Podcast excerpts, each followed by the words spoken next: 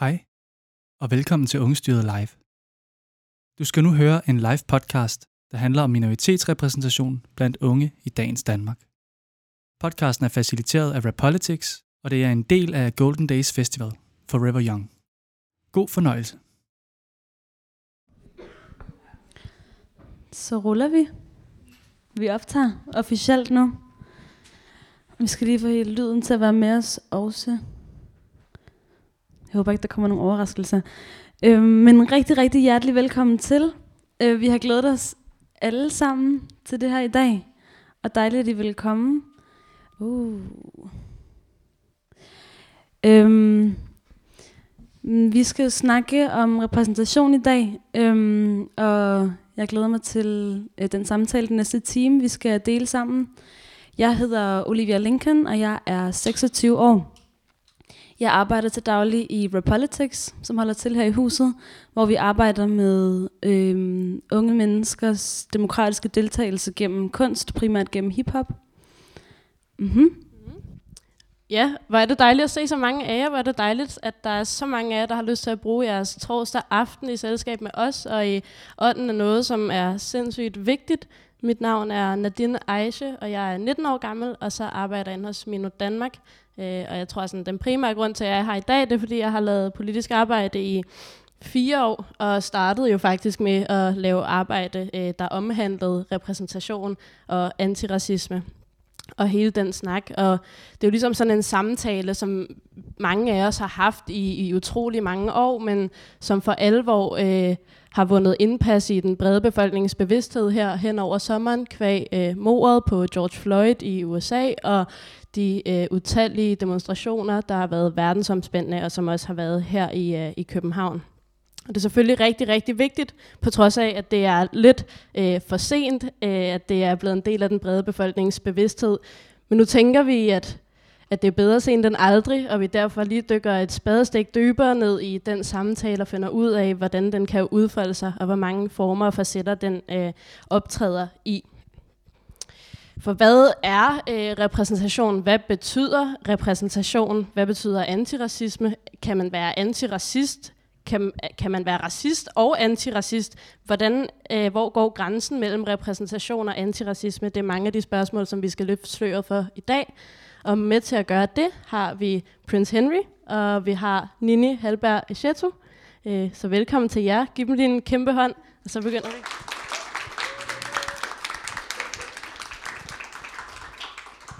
Prince, vil du præsentere dig selv? Ja, hej. Øh, jeg hedder Prince. Jeg er 26 år øhm, og er debattør, aktivist. Øh, har haft et talkshow hen over sommeren med Mino Danmark, øh, hvor vi satte fokus på racisme mod afrodanskere. Og så er jeg sociologistuderende.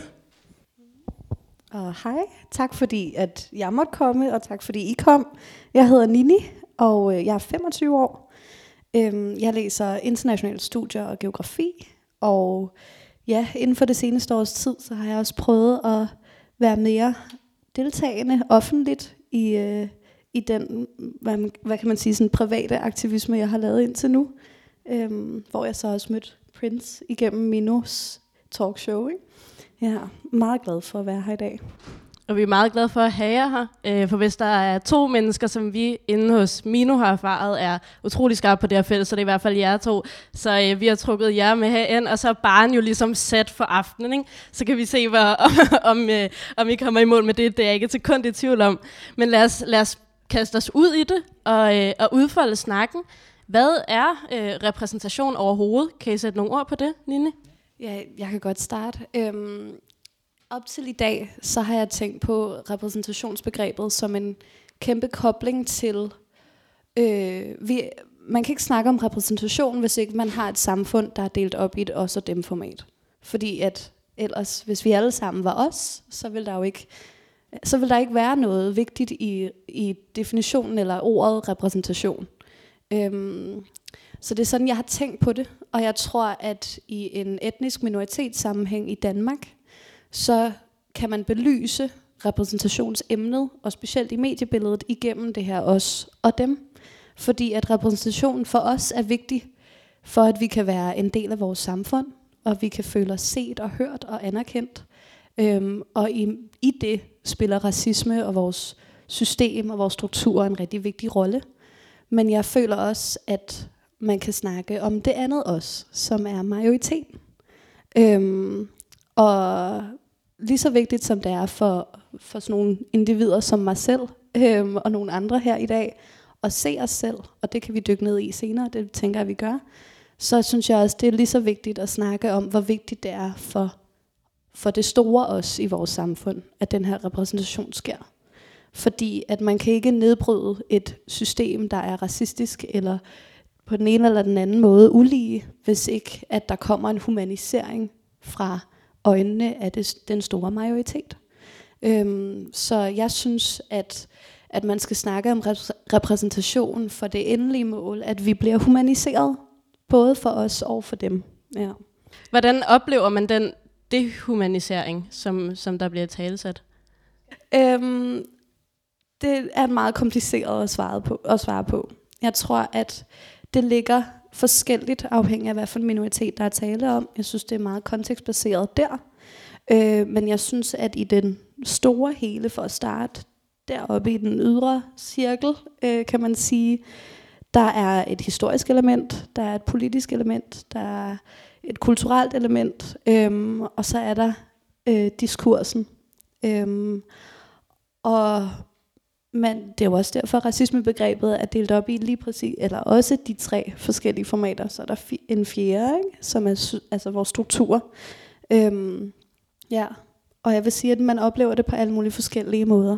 Både i dagligdagen, i skolebilledet, øh, i det offentlige rum, øh, i medierne og i skolen, på arbejde, i forhold, alting egentlig. Du siger, at man oplever det på sådan forskellige niveauer, og så er der nogle forskellige niveauer, man opererer på indenfor, når man snakker om racisme, og derfor også, man, når man snakker om misrepræsentation eller repræsentation. Er det no- nogle niveauer, du vil uddybe? Man kan jo sige, at øh, i forhold til repræsentation, der kan man i hvert fald opleve ofte, at hvis man skildrer minoriteter i, i medierne, når vi endelig skal udtale os, så bliver det altid om kriminalitet eller religion, det er meget negative fortællinger, vi skal ind og snakke om.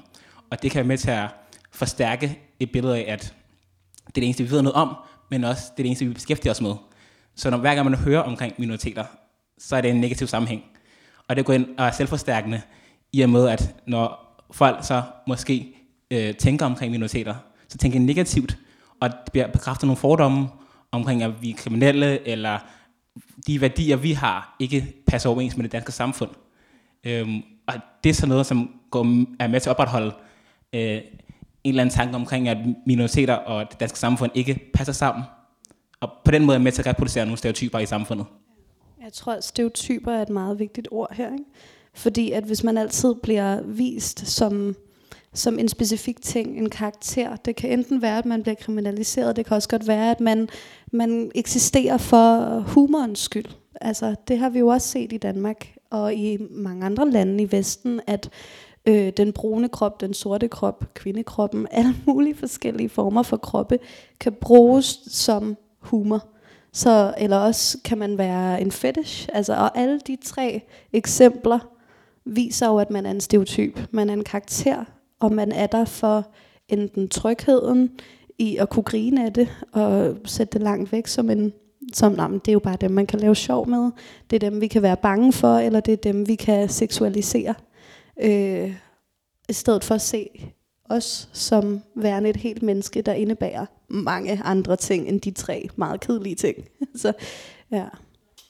Der ville jo være nogen, der sagde, at det er jo klart, at øh, etniske minoriteter kun bliver inviteret ind i studiet, når det handler om kriminalitet og social kontrol, fordi det er jo, det er jo etniske minoriteter, der gør det.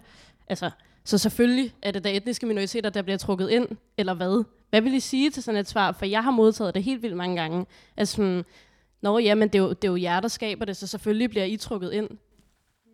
Der tror jeg, at jeg vil sige, det er jo ikke sandt. Det er den virkelighed, som medierne har skabt. I hver gang du ser en historie, så handler det om social kontrol eller kriminalitet. Men vi er også normale borgere, ligesom alle andre. Vi har kærestesover, vi har ondt i livet, vi synes, det er svært at gå på studie, øh, vi synes, det er hårdt at være ung. Altså, vi kan bruges øh, til alle mulige historier, men vi bliver bare ikke inviteret indenfor, når det handler om vores hudfarve, eller religion, eller etnicitet. Og det er også en del af problemet. Og det er jo også et spørgsmål, der bunder i, i hvert fald i en meget kortsigtet princip, ikke? Altså som du siger, ja, det er okay, det er os, der gør, der gør det, men det betyder, at du kun har reageret på, hvad du har fået at vide af et medie, i stedet for at dykke mere ind i en statistik, for eksempel, eller dykke mere ned i oplevelser, eller prøve at tænke over, hvorfor det er, at det kun er det, du bliver vist. Altså, det, det er desværre et spørgsmål, man får tit. Jeg er helt enig.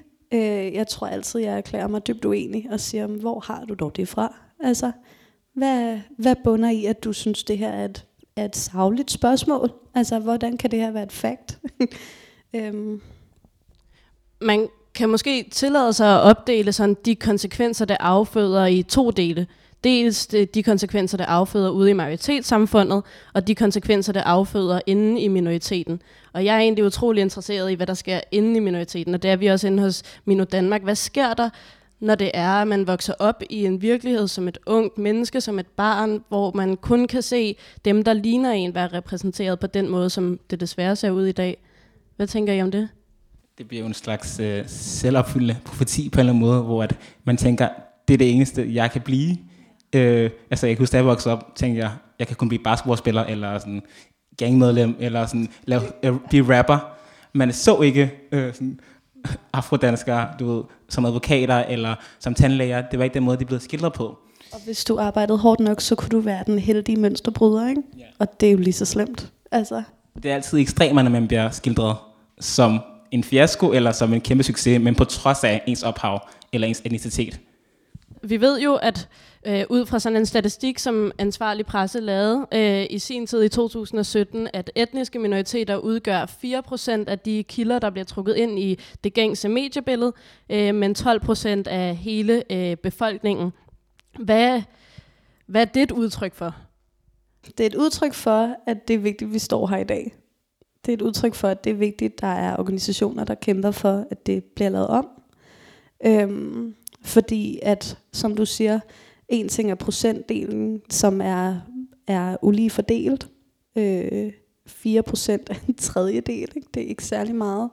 Hvis man dykker ned i det, kunne jeg forestille mig, at man kunne begynde at belyse lige præcis de problematikker, som vi allerede har introduceret, som er, jamen, hvordan bliver det fire, de 4 procent så belyst? Altså, hvad, hvad går det ud på? Hvorfor er det kun de her, det her 4%, Hvad er det, der sker?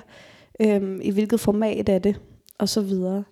Øh, og det er også der, vi har et problem, fordi så får vi aldrig et sprog i en, i den bredere skare omkring, hvordan vi laver det om. Fordi det hele tiden handler omkring, enten skal vi være lykkelige for, at vi endelig bliver repræsenteret bare en lille bitte smule, eller så øhm, skal vi tige stille, ikke? Fordi så er vi for larmende, og vi opfører os ikke ordentligt, og så videre. Men det er også et udtryk for, at det er ikke os, der sidder på magten. Altså, det er ikke os, der inviterer folk ind. Øh, og det, er derfor er det så vigtigt med de her platforme, som Minu Danmark og Politics, hvor vi giver etniske minoriteter en mulighed for selv at komme frem, snakke på deres egen præmisser, øh, og ikke skulle være inde og sådan, på en eller anden måde passe, passe en vinkel, som kun handler om, du skal snakke ud fra dit etniske ophav, hvor man også gerne må snakke ud fra at være et helt menneske. Og magt er jo egentlig utrolig interessant at snakke om i den her sammenhæng, fordi at man kan ikke snakke om magt uden også at snakke om ansvar. Så hvis ansvar er det, er det minoritetens ansvar, eller hvad? Jeg synes, at det kommer an på, hvilken skala man snakker om. Fordi jeg synes, det er begge dele. Øh, jeg synes, at når vi har den struktur, vi har i Danmark, og at det stadigvæk bliver set som et meget homogent land, øhm, på trods af ja, 12% minoriteter, en hel masse blandingsbørn, ligesom mig selv, øh, en masse flygtninge, kunne jeg forestille mig, som ikke er med i den statistik, øh, så er der et, pro- et problem. Øhm, og derfor så synes jeg, der er et ansvar hos majoriteten også. Og øh, det er netop også det, jeg startede ud med at sige, at, at ansvaret om humanisering på et system, altså strukturelt plan, det handler om os alle sammen. Fordi at ellers så er det bare os små minoriteter, der, en, der altid råber højt og er irriterende, fordi vi bliver ved med at kræve flere og flere rettigheder, eller øh, hvordan diskursen, eller hvordan det lige kan blive formuleret. Så jeg synes, vi alle sammen har et ansvar. Problemet er bare, at der bliver stillet et kæmpe ansvar for minoriteten med, jamen så gør noget ved det. så gør dog noget. Vi lever i et velfærdssamfund. Vi kan alle sammen blive til noget her. Og ja, vi kan alle sammen blive til noget her, kontra rigtig mange andre steder i verden. Men det gør stadigvæk, at vi er, vi har ikke et lige samfund. Vi har ikke et lige samfund, hvor alle kan, kan nå dertil, hvor de gerne vil. Og når man bliver igennem generationer, og specielt på et verdensplan, også igennem mange hundrede år, bliver nedlagt, så hvordan kan man så kræve, at man selv skulle rejse sig op? Altså, fordi det gør vi, men samtidig holder vi jo også en majoritet i hånden og fortæller, nu skal I høre, hvordan det er, man ikke skal være racist. Nu skal I bare høre. Ikke? Vi har jo allerede rigtig meget ansvar, vi putter på os selv hver eneste dag. Øhm, så jeg synes, det er en blanding. Jeg er enig, men det handler også om magt, som du siger. Nu har vi de her statistikker, der viser, at minoriteter er underrepræsenteret. Øhm, og de her statistikker er rigtig gode, fordi de kan vise, at der er brug for, at de her brancher tager sig sammen. Så folk, der er journalister, sørger for at ringe til minoriteter, når det handler om andre ting end bare kriminalitet, race. Øh, folk, der er kaster, sørger for at give os roller. Altså, ja, vi er nødt til at sørge for, at vi er repræsenteret både rigtigt, men også at vi først og fremmest er der. Fordi når vi ikke er repræsenteret, så er det en måde at usynliggøre os på. Og det virker som om, vi ikke eksisterer. Så det bekræfter bare en idé om, at vi ikke er der, eller vi ikke ligesom er lige så meget værd som alle andre, men vi er der, og vi har bare brug for en stemme, for at fortælle vores historie på vores egen præmisser. Og lige præcis det der med på vores, egen, vores egne præmisser, ikke? fordi ellers så, det har vi også set masser af gange, det er også noget, vi kan problematisere, at så bliver man en token, eller øhm, man bliver vist som en model på en vis måde, som nu er blevet sat op af en hel masse øh, altså hvide produktionsledere, eller et eller andet. Altså, det er jo ikke på vores præmisser.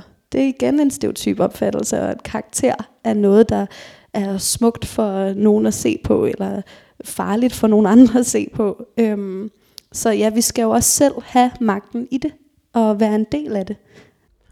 Og den mediesnak rummer jo egentlig ret mange facetter, og jeg ved, at du har gjort dig helt vildt mange overvejelser omkring, hvorvidt man snakker om sådan gængse medier som DR og Politikken og Berlingske osv. Og, så videre, og man så snakker om sociale medier. Hvordan kan man opstille en kontrast, eller hvordan kan man udlægge den kontrast der imellem de to ting? Mm, vi kan starte med magtbegrebet faktisk. På den måde er det en fin fortsættelse, ikke? at de gængse medier har en anden magt over sig, end sociale medier har. Og vice versa. Altså det er jo øh, vi ser, at BLM-movementet øh, har skabt enormt meget opmærksomhed, blandt andet på grund af sociale medier. Det kan man så også kritisere, hvis man har lyst. Det gider jeg ikke lige at gøre lige nu. Men, øh, men de gængse medier har en kæmpe stor betydning. Og det er også der, hvor din statistik kommer fra. Det er ikke fra sociale medier. De gængse medier er det, den brede del af befolkningen har som fællesnævner. Altså, Selvfølgelig er der måske forskel på, om du ser TV2-nyhederne eller DR. Efterhånden er der ikke, desværre ikke en særlig stor forskel, som man måske stadigvæk synes. Øhm, men det har en kæmpe stor virkning. Og jeg synes, det er enormt vigtigt, når vi snakker om repræsentation, fordi ellers på sociale medier går vi ind i vores bobler, øh, og vi bliver, bliver, bliver ved med at blive bekræftet øhm, i vores egne holdninger. Og derfor så kan det skabe ekstremisme, men det kan også skabe man kan sige, et samfund, som måske ikke er, er, er diverst på, i, det, altså i det offentlige plan. Ikke? Øhm, og det er jo egentlig der, vi ændrer det. Det er der, hvor at magten kommer ind, det er der, hvor strukturen kommer til at kunne ændre sig. Altså lige præcis den statistik bevidner om noget misrepræsentation. Og kan man i sig selv kalde den misrepræsentation for racistisk? Altså er det, er det racistisk, hvis man sidder inde som tilrettelægger på DR, måske i debatten, man ved aldrig, øhm, og, og bevidst vælger ikke at gøre sit program diverst? Altså, hvor går grænsen mellem misrepræsentation og racisme, og er der overhovedet sådan en forbindelse imellem de to ting? Jeg tænker, det hænger sammen. Men jeg tror, øh, jeg tænker mere på, at når du siger misrepræsentation, så tænker jeg mere på, at man repræsenterer minoriteter. Mm. Meget stereotypt. Og den måde, vi bliver skildret på, det var også en måde, der går ind og påvirker den offentlige debat, der påvirker politiske diskurser. Øhm, så det er en måde, hvorpå man igen kan være med til at reproducere de stereotyper, hvor man kan ende med, at minoriteter bliver mødt som folk, der er farlige, fordi det er sådan, det bliver skildret film, i tv-serier, i nyhederne. Øhm, og dermed kan vi være med til at, at legitimere racisme, men også gøre den værre og øge den i samfundet. Øhm, jeg vil også sige, at der er måske nogen tilrettelæggere på DR eller debatten, der ikke tænker over det. Og det kan være et argument for, at det var ikke fordi, at jeg var racist, det er bare fordi, jeg ikke lige tænkte over det. Øhm, og jeg synes, det belyser, at man så har et racistisk system. Altså, det kan godt være, at du ikke synes, du er racist, når det er, at du ikke tænker på de her ting. Men lige præcis den her movement, lige præcis det, der sker, blandt andet i år, ja, too late, men about time, øhm, det handler jo netop om at bevidstliggøre os alle sammen. Øh, og derfor så synes jeg ikke, at det er et argument længere. Jeg synes ikke, at vi kan have folk på store stillinger, som har nogle rigtig vigtige roller at spille i vores samfund, som ikke tænker over tingene. Altså, jeg kan ikke forstå, hvordan det nogensinde har kunne godtages som et argument. Men det har det så. Det er derfor, vi er her i dag. Øh, vi er nået til den her, altså, den her ekstreme tilstand i dag. Øhm, men jeg synes ikke, det er et argument længere. Fordi det, det vidner bare om, at du ikke tænker på, hvad, hvor dit ophav er. Hvad det er for nogle ting, der påvirker, hvem du er. Og desværre også din professionalitet. Altså. Og igen handler det om magt, fordi de her caster vil jo gerne kaste folk, der ligner dem selv. Så hvis vi aldrig sidder i positioner af magt, så kommer vi aldrig frem i lyset, fordi at vi bliver ikke castet, vi bliver ikke nogen, der bliver spurgt til, vi får ingen platform. Og lige præcis magt og racistiske strukturer skal vi snakke meget mere om, men jeg ved, der er et lille indslag før, som du gerne vil præsentere. Øhm, vi har bedt øh, jer to om at tage et stykke musik med, og øh, Nini, vil du starte med at præsentere det stykke musik, du har valgt? Ja, øhm, vi har begge to synes, det var en sjov og omstændig opgave, at sige på vegne af os begge to. Øh, jeg har valgt en sang fra en britisk kunstner, der hedder Dave, eller Santan Dave. Øhm, han er sort. det er, hvis I ikke lige kender ham. Han øh, går i tracksuits og er 21 år og vinder alle mulige musikpriser i England og går ikke på kompromis med sig selv. Øh, det synes jeg er rigtig sejt. Han bor hos sin mor. øh, og er rigtig mange ting. Han har lavet en sang, der hedder Black. Og øh, jeg synes, den beskriver en hel masse omkring, hvordan at medier ikke kan ses som en selvstændig ting, men kan ses som et symbol på det system, vi lever i. Og øh, ja, lyt til den. Se, jeg håber, at I kan forstå, hvorfor jeg har valgt den sang.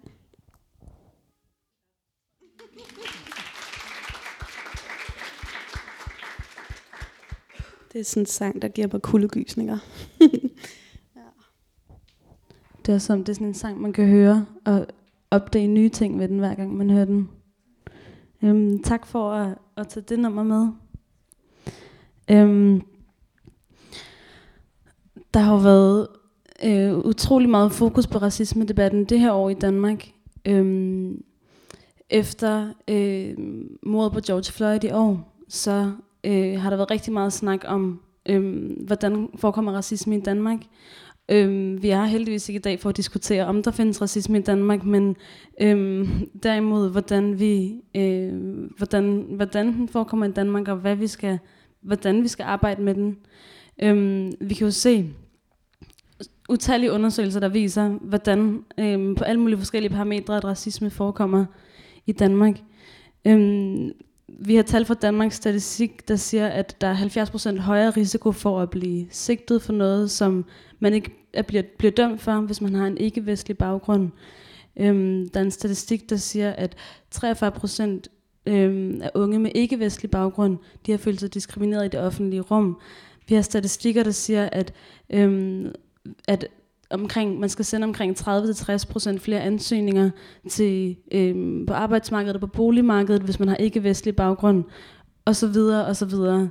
Der er masser af tal, og masser af personlige øhm, øhm, fortællinger om, hvordan racisme findes i Danmark. Øhm, I det her seneste år øhm, har vi jo set øhm, de så demonstrationer, vi har set øh, folk på sociale medier, vi har set masser af forskellige måder, folk har engageret sig i debatten på. Jeg er interesseret i at høre, hvordan I har set debatten udfolde sig i det her år. Jeg synes, at den startede virkelig meget på sociale medier, øh, med at folk ligesom forstod, at Black Lives Matter. Altså, der var en sort boks. øhm, der var samtaler. Øhm, men jeg synes meget hurtigt, at i de etablerede medier i Danmark, så skulle det handle om, findes racisme eller ej? Find, eksisterer det? Find, eksisterer det ikke? Og så spørger man så først øh, de etniske danskere, om de synes, racisme øh, eksisterer i Danmark. Og selvfølgelig synes de ikke det, fordi at det er ikke noget, de selv mærker på egen krop. Så i stedet for at debattere den racisme, som er indiskutabel i Danmark, altså den findes, der er, det er bredt dokumenteret, der er statistikker på det, øh, der er data, der er statistik over det hele, så skulle man først diskutere, findes det, findes det ikke. Øhm, og det synes jeg er meget trættende at være en del af, i stedet for at snakke om, hvordan vi kan bekæmpe racismen, øh, og arbejde med den, og prøve at forebygge den i de institutioner, øh, den findes i i Danmark, så handler det, meget om, findes den eller findes den ikke. Jeg tror lige præcis på grund af det, Prince nævner, så helt personligt var jeg enormt skeptisk over, at det lige pludselig var altså sådan, times up, og nu snakker vi om det, eller nu er der en social bevægelse på internettet, der gør, at folk synes, det er spændende.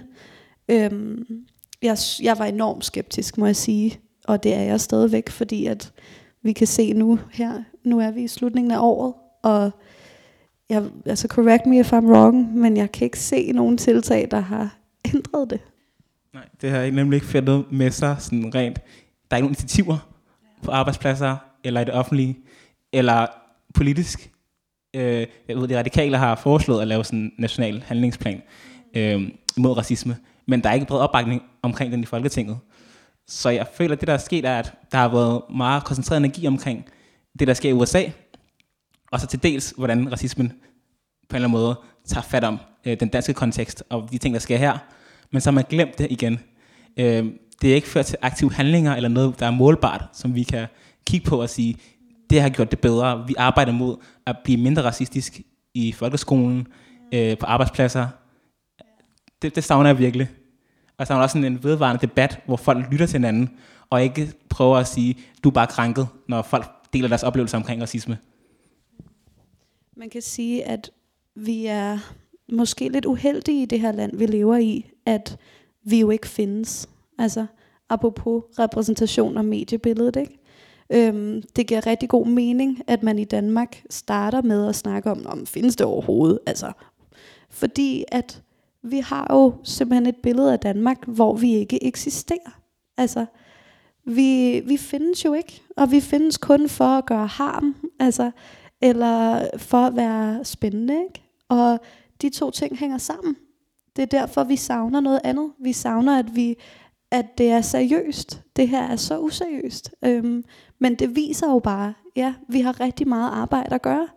Det, det er sindssygt. Øhm, ja, jeg synes, det her år har været, har været underligt, fordi at i hvert fald for mig selv personligt, så er det her ikke noget nyt. Altså, intet af det her er noget nyt. Ingen af de punchlines, der kommer på Instagram, er noget nyt. Ingen af de debatter, der bliver lavet på DR, er overraskende. Altså, og det er jo desværre vildt, når man er i et miljø, hvor der er så mange mennesker, der siger, jamen lad os da gøre noget, og der så ikke sker noget. så altså, øhm, så vi, vi lever, synes jeg, lidt i et håbløst moment, øhm, fordi at, at der er rigtig meget larm, øh, og der er rigtig meget snak, og det er så fedt, fordi i det mindste er vi nået dertil, hvor at vi som minoriteter bare findes en lille bitte smule. Så kan det godt være, at at samtalen handler om, at alle vores følelser og alle vores oplevelser ikke er berettiget, og det kan umuligt findes, fordi jamen, jeg har da aldrig været sådan her. Eller, men, jeg har en sort ven. Præcis, men så kan man spørge sig selv, hvor er det sjovt, at du siger, at du har en sort ven? altså, hvorfor er det vigtigt for dig at sige? Øhm, der er så mange interessante spørgsmål, synes jeg, der ligger i, i det her. Øhm, ja. Øhm, og jeg vil rigtig gerne vende tilbage til, øh, hvordan, hvordan kan det blive taget seriøst? Hvordan kan vi se en aktiv handling?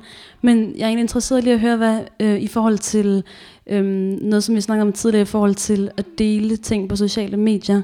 Øh, hvordan har I set den her, øh, det her sidste år, hvor at der har været en, en rigtig stor deling af ting på Instagram, på sociale medier. Måske folk, som ikke har blandet sig i debatten før, helt sikkert har, har delt rigtig mange ting på deres Instagram. hvordan har I set den her deling, og er den effektiv? Gør den noget godt? Gør den noget skidt? Jeg synes, den har været overvældende, fordi de ting, de deler, det er noget, som man som minoritet eller som sort person, man har råbt op omkring hele sit liv, skulle dele med, og så se, hvordan hele verden ligesom nu får øjne op for, racisme findes, det eksisterer. Det er rigtig hårdt, når man, når man selv tidligere har fortalt det til sine venner eller sin nærmiljø, og folk ikke vil lytte. De er først lytte, når nogen bliver dræbt brutalt i USA. Øhm, men racisme findes også i Danmark, og det har de gjort hele tiden.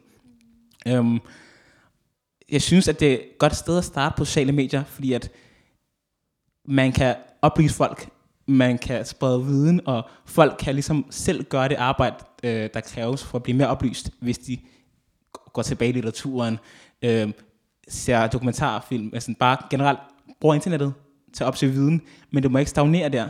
Altså, det er nødt til at føre til konkrete handlinger, både ved en indre bevidstgørelse omkring, hvordan kan jeg som person øh, være med til at bekæmpe racismen, der hvor jeg er, hvor jeg støder på den, om det er på min institution, er det på arbejdspladsen, men hvordan kan jeg også sørge for, at øh, jeg ligesom breder budskabet ud til mit nærmiljø, min familie og mine venner.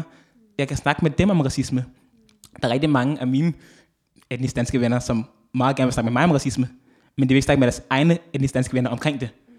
Og det er problematisk. Altså, jeg vil også sige, at bare for at fortsætte den, altså med sociale medier, at jeg har haft erfaring med netop selvfølgelig, at der kommer en deling på, med folk, der aldrig har været interesseret i det, i det før.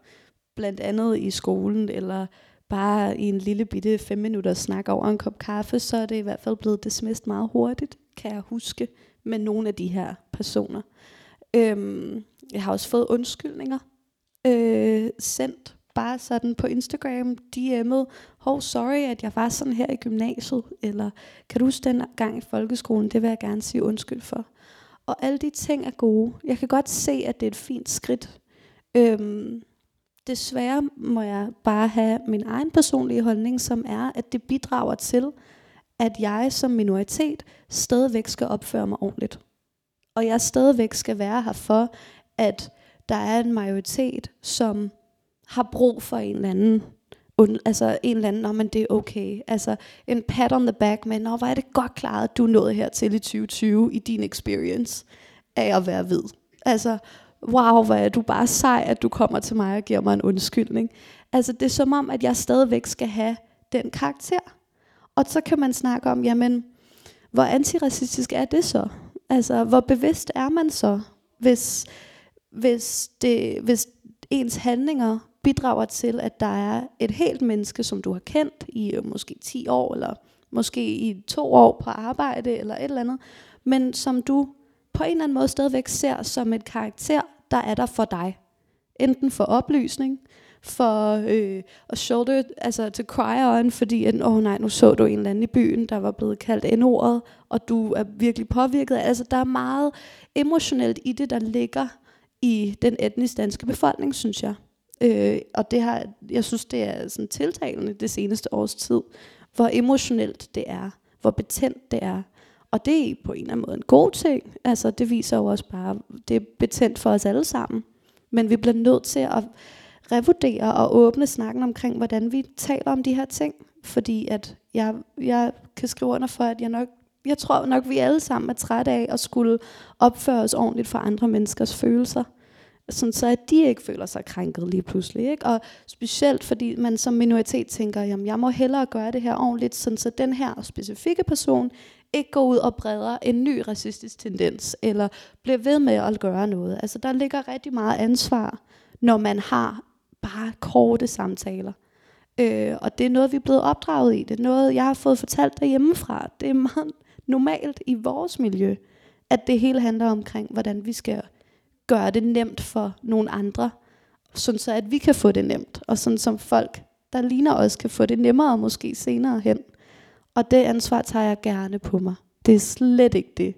Men jeg synes i hvert fald, at de sociale medier har vist, at, at, at der er noget forkert i det. Altså, i, i at jeg i hvert fald stadigvæk bliver fastholdt som en karakter. Jeg tror bare, det var det, jeg ville sige.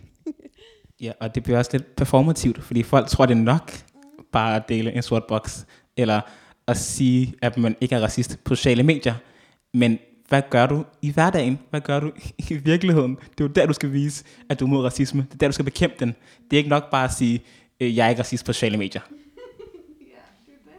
Og hvad gør man så i virkeligheden? Ja, altså, der vil jeg så sige, forskellen mellem at være ikke racist og antiracist, det er, hvis jeg skal hjem til en af mine danske venner, øh, og de har en racistisk onkel, så hvis man ikke er racist, så siger man til mig, at øh, bare lige så du ved det, så er min onkel lidt racistisk. Du skal ikke tage dig af det. Hvis du er antiracist, så siger du til mig, min onkel er lidt racistisk, men hvis han siger noget til dig, skal jeg nok sige ham imod. Det er, hvor man aktivt går ind og handler og bekæmper racismen, når man møder den. Du lader det ikke være op til minoriteter at tage ansvaret. Du kæmper på lige fod med os, selvom du godt ved, at du aldrig skal opleve racisme på samme måde. Det er det privilegium, du har, men du sørger for, at du kæmper imod den, når du ser den. Og du handler. Og det er i alting. Jeg synes også, at racisme handler om oplysning. Ikke? Altså, øhm, hvor mange, vi får det jo så ikke lige serveret fra vores institutioner, eller vores system, eller vores politikere, eller vores omgangskreds nødvendigvis, hvis det er. At, altså, det kan jeg ikke gøre mig klog på, hvordan folks omgangskreds er. Men hvor meget ved man egentlig om en anden kultur, der ikke er vestlig? Altså udover at man måske fejrer Eid, eller man fejrer Hanukkah, eller hvad man gør. Øhm, hvor meget ved man? Altså, øh, vores historier er lange, og de er evige, og det er de i hele verden.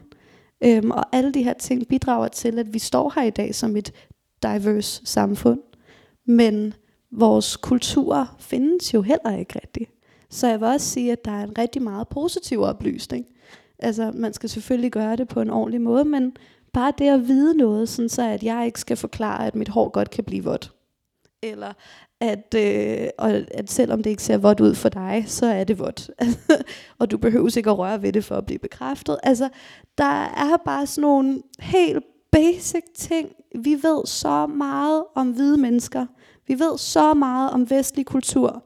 Vi ved så meget om vestlig historie. Sjovt nok, fordi vi selv er indblandet i det. Vi har selv haft en meget stor andel og meget stor blod tabt for at gøre det her land rigt.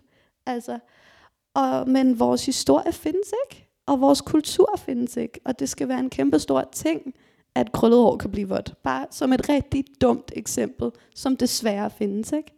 Så der kan også være rigtig meget sjovt i det. Altså se en serie, oplys dig selv, og brug den viden til at behandle andre mennesker ordentligt. Sådan så, altså ligesom du selv gerne vil blive behandlet. Det er jo, ja. Ja, og så lige til at knytte en kommentar til det. Både at sådan, undersøge og blive oplyst på minoriteter, men også som majoritet. Tænk på dine egne privilegier. Hvorfor har du aldrig tænkt over din hudfarve? Hvorfor har det ikke været en ting, du skal forholde dig til? Øhm, ja, altså sådan nogle ting der. Konfronter dig selv med, har jeg været racist i mit liv mod nogen? Hvorfor har jeg gjort det? Tag dit ego til side, og sådan, tage de svære samtaler med dig selv, og dem omkring dig.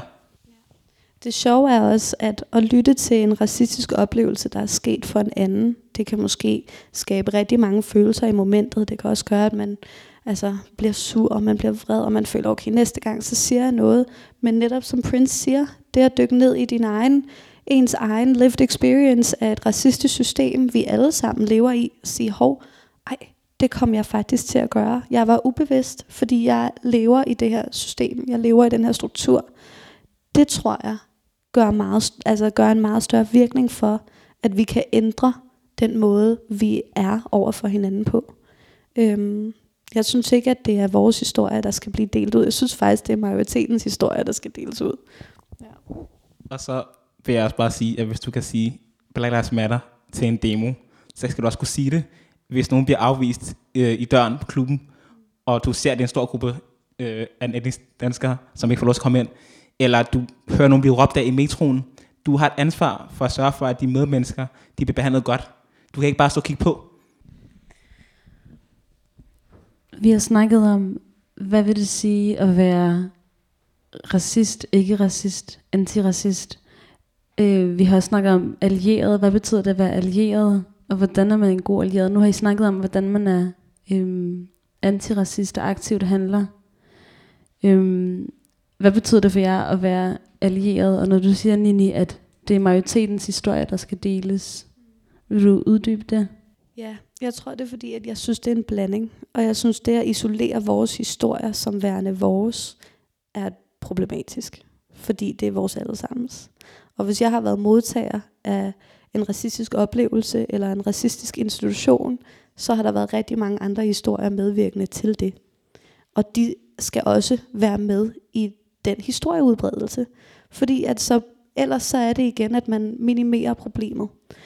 Øhm, ja, jeg vil også sige, at omkring antiracisme, der ligger en rigtig stor opgave hos os alle sammen. Fordi der er også rigtig mange minoriteter i det her år, der er begyndt at vågne op til, at man rent faktisk kan have et sprog. Man kan rent faktisk godt tale. Tænk, at det er en overraskelse, ikke? At man, at man kan leve 25, 30, 35 år af sit liv, ikke at vide, at man godt må sige fra. Den, er, den opvågning er jo også i gang. Så en antirac- altså antiracisme er ikke kun for hvide, det er ikke kun for sorte, det er ikke kun for brune, det er os alle sammen. Og den opvågning er også i gang hos en hel masse minoriteter. Altså det er ikke kun hvide mennesker, der har været oblivious, fordi der har også været en hel masse mennesker, der har været modtagere af det over generationer, som ikke har vidst, at man kunne leve på en anden måde. Øhm, ja. Og det er en proces for os alle sammen. Det er det. Og det er noget, vi skal blive ved med at snakke om, fordi vores samfund ændrer sig også ret hurtigt hele tiden. Der er også nogle strukturer, som jo aldrig gør det, derfor vi er her i dag. Øhm, men det skal, vi skal blive ved, fordi det her er endeløst. Altså der, der er ikke nogen ende på antiracisme, fordi hele vores samfund er bygget op på det. Altså, og den bliver ved med det, indtil vi når til et tidspunkt, hvor at vi kan snakke om at opbygge en anden form for struktur. Der kommer vi nok ikke til at nå i min livstid, men vi kan i hvert fald prøve. Ja, jeg tror, det er rigtig vigtigt at lytte især til hinanden. Øhm, når nogen deler, de har haft en racistisk oplevelse, lad være med at centrere dig selv i den oplevelse. Lad være med at få det til at handle om, om dig, eller at du ikke er racist. Bare lyt, tag det ind, men også at have samtaler, altså ubehagelige samtaler. Bare det, vi har et sprog for racisme nu, at det er noget, man kan sige højt. Det skal ikke være tabu. Jeg synes, vi skal snakke om racisme, ligesom vi snakker om en fodboldkamp, altså omkring middagsbordet. Tag et samtale med dine venner, din familie, på arbejdspladser. Det skal være noget, man diskuterer øh, på lige vilkår med alt muligt andet, fordi det, skal være, fordi det er så normalt, at det sker så ofte. Hvis vi tiger det ihjel, så er også en måde at, sådan, at usynliggøre det på. Og det synes jeg er rigtig vigtigt, at vi kan mærke, at vi i hvert fald i den her tid nu snakker højt omkring racisme. Det er ikke noget, som man fejrer væk længere. Også fordi de stemmer, der har været sådan tid ihjel, de råber højere, og der er flere af dem, og vi kan ligesom samle os nu. Og den dialog handler også om at se os alle sammen som mennesker.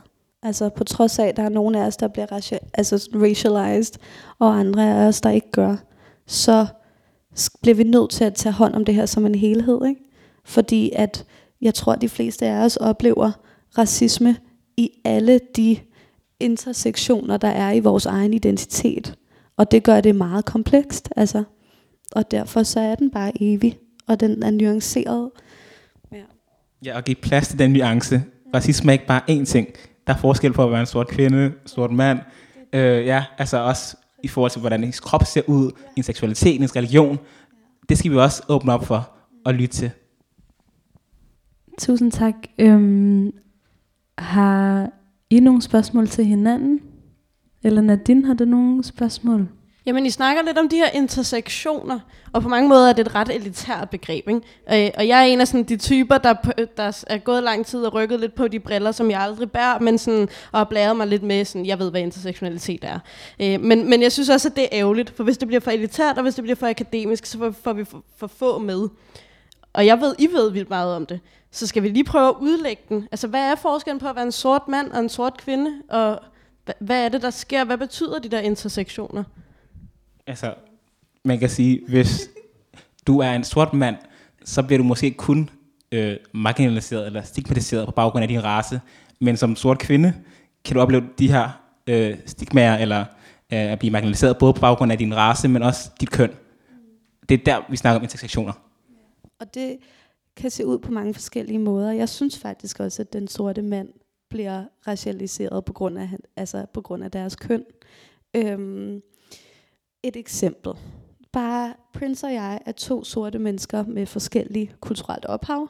Jeg har en dansk mor. Jeg er blandingsbarn. Øhm, vores identiteter ligger meget tæt op ad hinanden, men der er også rigtig mange ting, der gør, at vi er forskellige. Både inden i os selv og i vores oplevelse af verden.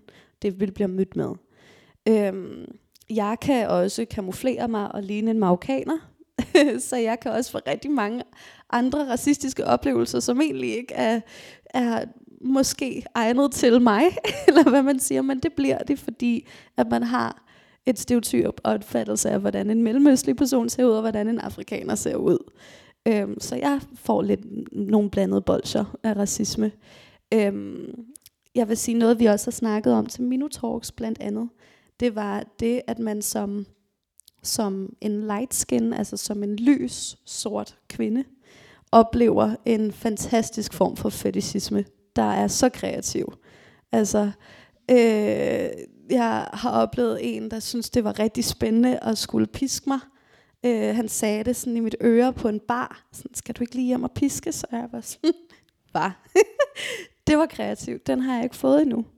Det var så fordi, at jeg jo igennem 400 år, vi har jo lært, at det er noget, vi skal elske, fordi vi var slaver engang.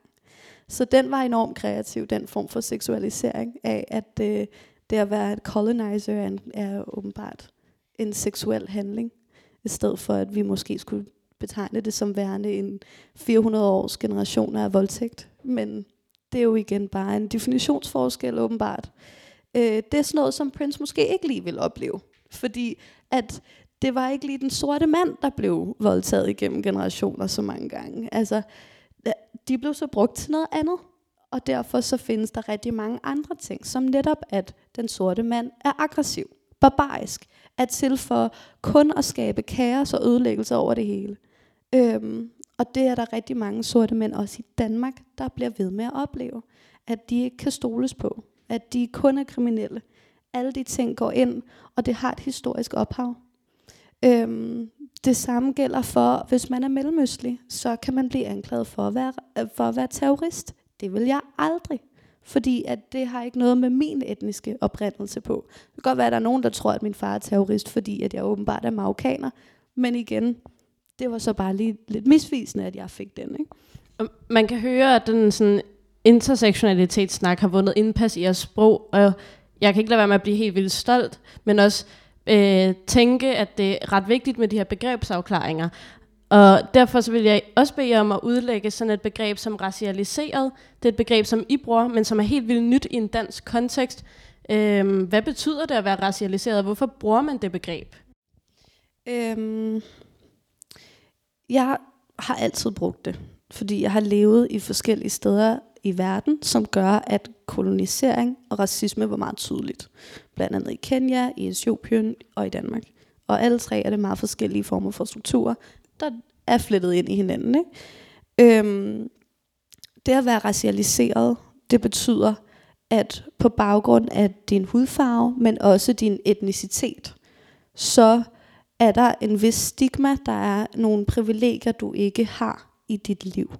Privilegier er også et ny, nyt term i Danmark, men det betyder bare, at på baggrund af dit navn, på baggrund af din hudfarve, på baggrund af hvordan dine forældre ser ud, så øhm, så er der så møder du bare nogle helt andre ting end nogen som aldrig skal tænke på deres hudfarve. Hvis forældre aldrig har skulle tænke på deres hudfarve. Hvis netværk heller aldrig har skulle tænke på deres hudfarve i forhold til hvordan deres liv nu er øh, og kommer til at være.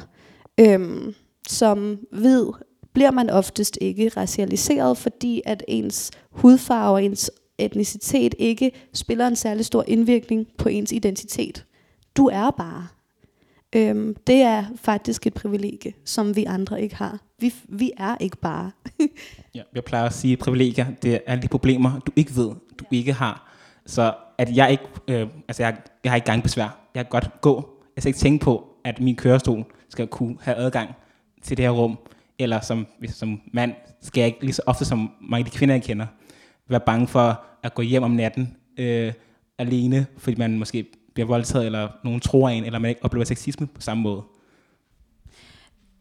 Vi er faktisk desværre, desværre ved at nå til vejs ende, men øh, inden vi afslutter, så Prince, er du også blevet valgt om at, øh, blevet bedt om at tage et stykke musik med. Kunne du tænke dig at præsentere det? Yes, jeg har taget en sang, der hedder Charcoal Baby øh, af Blood Orange. Det var en til Heinz med. Øhm, og han siger i sangen, at sådan, no one wants to be the odd one out. No one wants to be the Negro Swan. Han sætter meget sådan, klart sådan, og præcist ord på den følelse af ensomhed, man oplever som minoritet i, i hele hendes liv. Øhm, og sådan spørger lidt retorisk, can you break sometime? Fordi ja, man knækker rigtig meget. Øhm, og så i videoen, øh, som man ikke lige kan se her, så vender han sådan lidt repræsentation om, fordi at i videoen, der er så mange forskellige sorte kroppe og stemmer. Øh, både sådan folk, der er fyldige, tynde, øh, mænd, kvinder, LGBTQ, øh, trans, men der er kun sådan to hvide mennesker med. Så for mig, så så jeg virkelig, hvordan hvidhed på en eller anden måde har været normen, eller det normale i hele mit liv. Øh, og det var det, den her sang og video, den viste mig.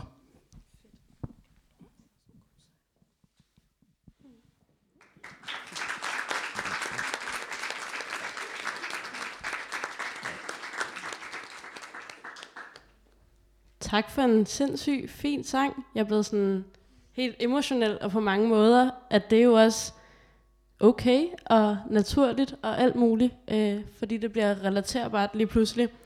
Øhm, og I, vi er jo ved vejs ende, så tak for en vildt spændende debat, for en vildt behagelig debat, og tak for jer. Tak for at gøre det, I gør, og gribe talerøret, og gøre os alle sammen klogere, både på os selv og på alle mulige andre strukturer. Øhm, det er så pisse vigtigt, og jeg bliver helt vildt fortrøstningsfuld for min egen generation, og jeg er så heldig at være en del af, af jeres generation, øhm, når det er, jeg, jeg sidder i sådan et her panel og kan høre, hvor pisse kloge min ungdom er, øh, og hvor meget vi forhåbentlig kommer til at rykke på øh, ude, i det, ude i det brede samfund. Så tusind tak for, at I kom, øh, og hvis I har en sidste bemærkning, så fyr den afsted. Ellers så... Jeg tror bare, jeg vil samle op på de to øh, emner, vi havde. Jeg vil bare sige, at repræsentation handler rigtig meget om at kigge efter, om der er nogen, der konsekvent bliver ekskluderet. For så har vi et problem med diskrimination. Øhm, og så at, at være antiracist, det er den eneste måde at bekæmpe racismen på. Og det handler ikke om, at du går for til en demonstration. Det handler om, hvad du gør aktivt for at bekæmpe racismen i din hverdag, i din nærmiljø, der hvor du kommer. Øhm, og det er vigtigt, at vi alle sammen påtager os en opgave at bekæmpe racismen, og ikke regne med, at det er noget, minoriteterne skal, skal påtage sig, at det er vores ansvar. Det er alles ansvar. Vi kan kun ændre noget i samfundet, hvis vi alle sammen kæmper for det. Lad det være det sidste ord. Prince Henry, Nini Eshetu.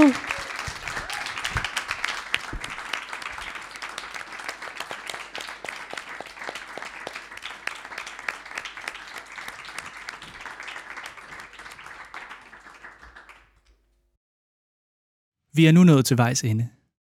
Vi håber, at det har været lærerigt, og at podcasten har givet stof til eftertanke. Tak fordi du lyttede med.